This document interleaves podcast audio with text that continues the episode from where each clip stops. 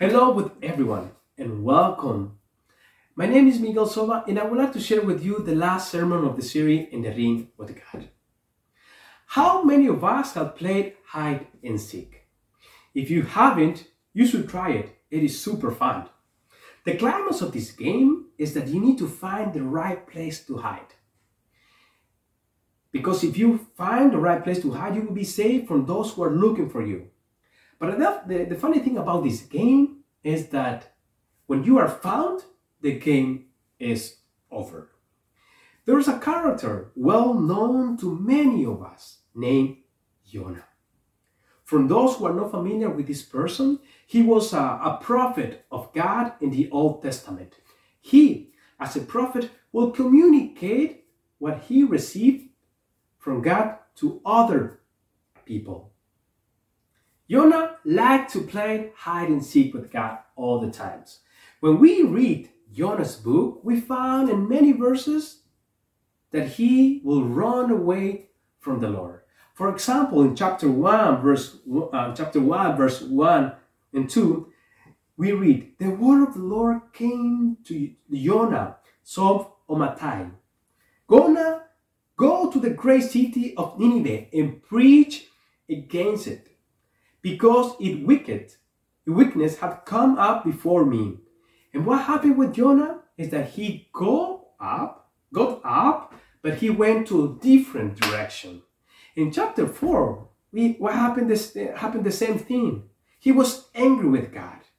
And we read that in chapter 4, verse, the, verse 5, that Jonah got gone out and sat down at a safe place east, east to the city. There he made himself a shelter, sat in the shade, and waited to see what would ha- happen to the city. In this game, hide and seek, Jonah thought that hiding and fleeing from the presence of the Lord was a smart idea. Jonah was hiding because he had a lot going on in his life. He struggled with pride, anger, selfishness. Jonah was confused about his stated in chapter 4, verse 2 a gracious and compassionate God, slow to anger, slow to anger, and abounded in love. A God who relents from sending calamity.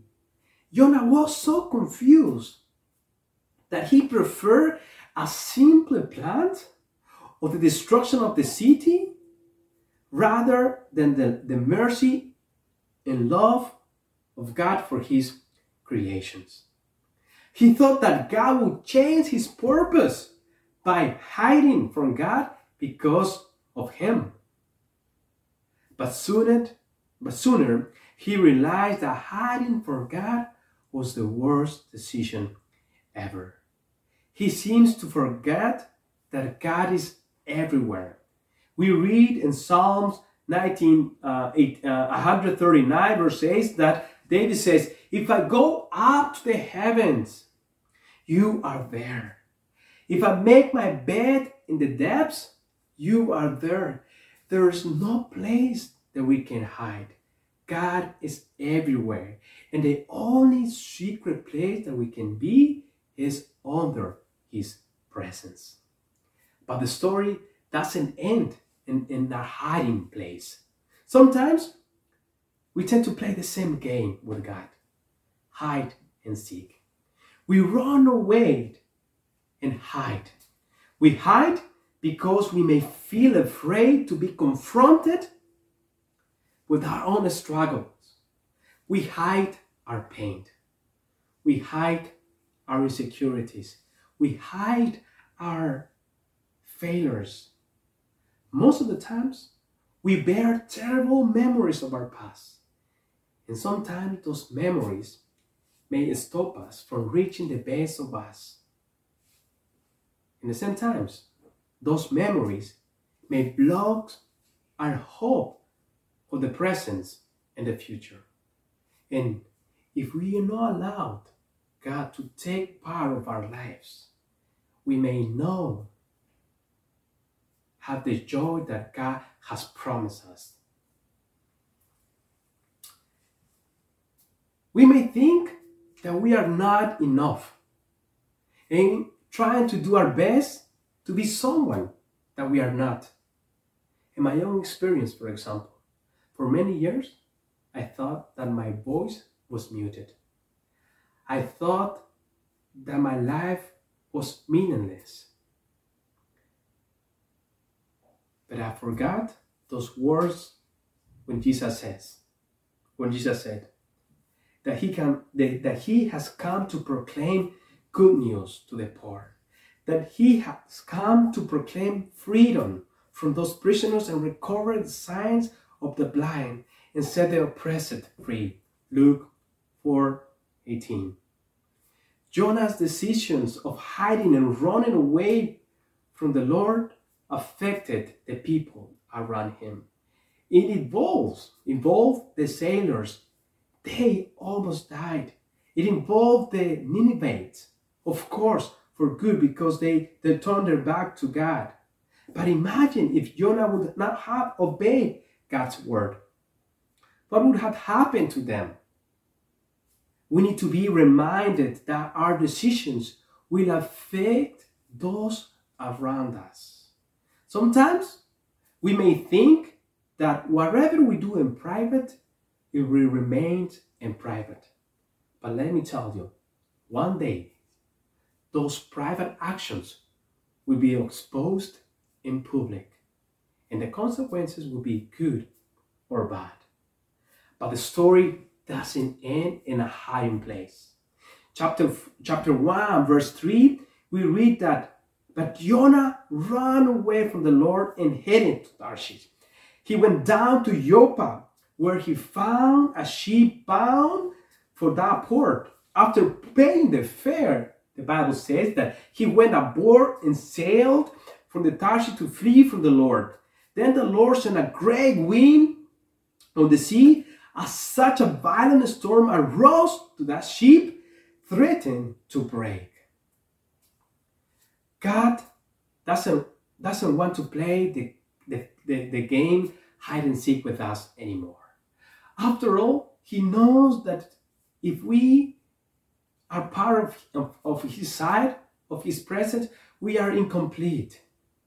And even, let me tell you, but even if we run away from his presence, he's willing to look for us. He's willing to love us again because he worries about us. He worries about us.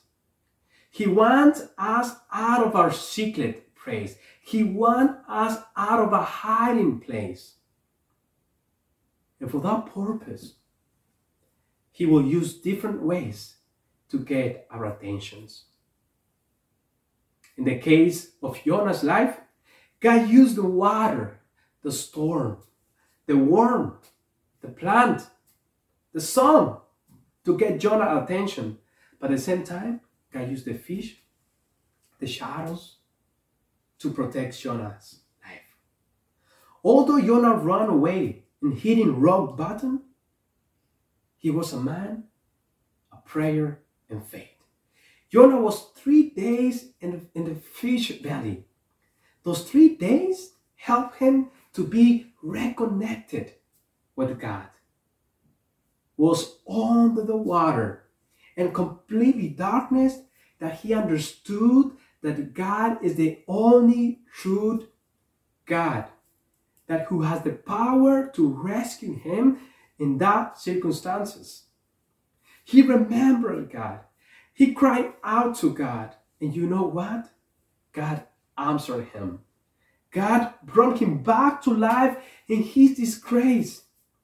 God provide him a second chance to be in his presence. And once again, we need to be reminded of God's presence when the winds of adversity or storms of life seems too great for us.